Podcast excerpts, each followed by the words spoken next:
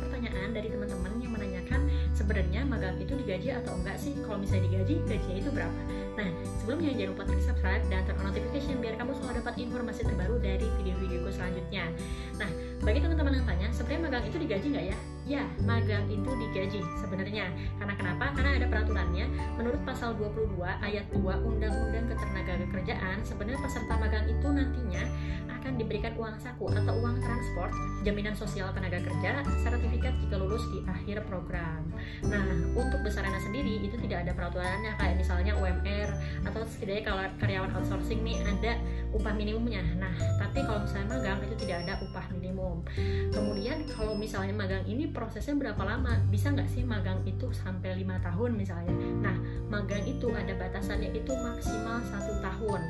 Jadi kalau misalnya uh, program magangnya itu sampai 2 tahun, itu nanti harus dibuat penandatanganan uh, kesepakatan ulang dan kemudian dilaporkan ke dinas atau di ke pemerintah daerah di tingkat kabupaten maupun kota. Nah, ini tuh ada berdasarkan pasal 6 ayat 7 Permenaker 36 sebenarnya uh, peraturan ini dibuat untuk melindungi hak-hak pemagang. Kenapa? Karena banyak banget uh, apa ya mahasiswa yang itu disuruh magang kemudian tidak digaji sama sekali tapi kemudian diminta untuk bekerja sebagaimana karyawan-karyawan yang lain bekerja jadi banyak banget kondisi di lapangannya itu tuh mahasiswa disuruh kerja sebagaimana karyawan lainnya tapi kemudian tidak digaji. Dengan alasan kan kamu belajar di sini. Jadi kamu harus mau gitu. Kalau misalnya enggak ya kamu nggak bakal dapat nilai. Ya sebagai mahasiswa kita kalau misalnya udah magang sekian lama beberapa bulan kemudian nggak dapat nilai yang bagus kan sayang banget. Nanti harus ngulang lagi. Nah jadi akhirnya ya mau nggak mau ya kan harus mau. Nah ini tuh sebagai akal-akalan dari perusahaan sendiri. Kenapa? Karena uh, lumayan lah dapat tenaga kerja yang dibayar cuma uang saku atau bahkan nggak dibayar gitu. Dan dia bersedia bekerja sesuai dengan instruksi yang diberikan.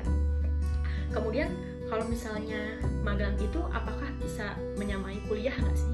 Nah, kebetulan ada angin segar per tahun 2019 dari Kepmen nomor 123 KPT 2019 dalam aturan tersebut program magang 45 jam itu setara dengan satu SKS dengan ketentuan adalah magang itu minimum satu bulan, lima hari kerja dan perharinya itu maksimum 8 jam.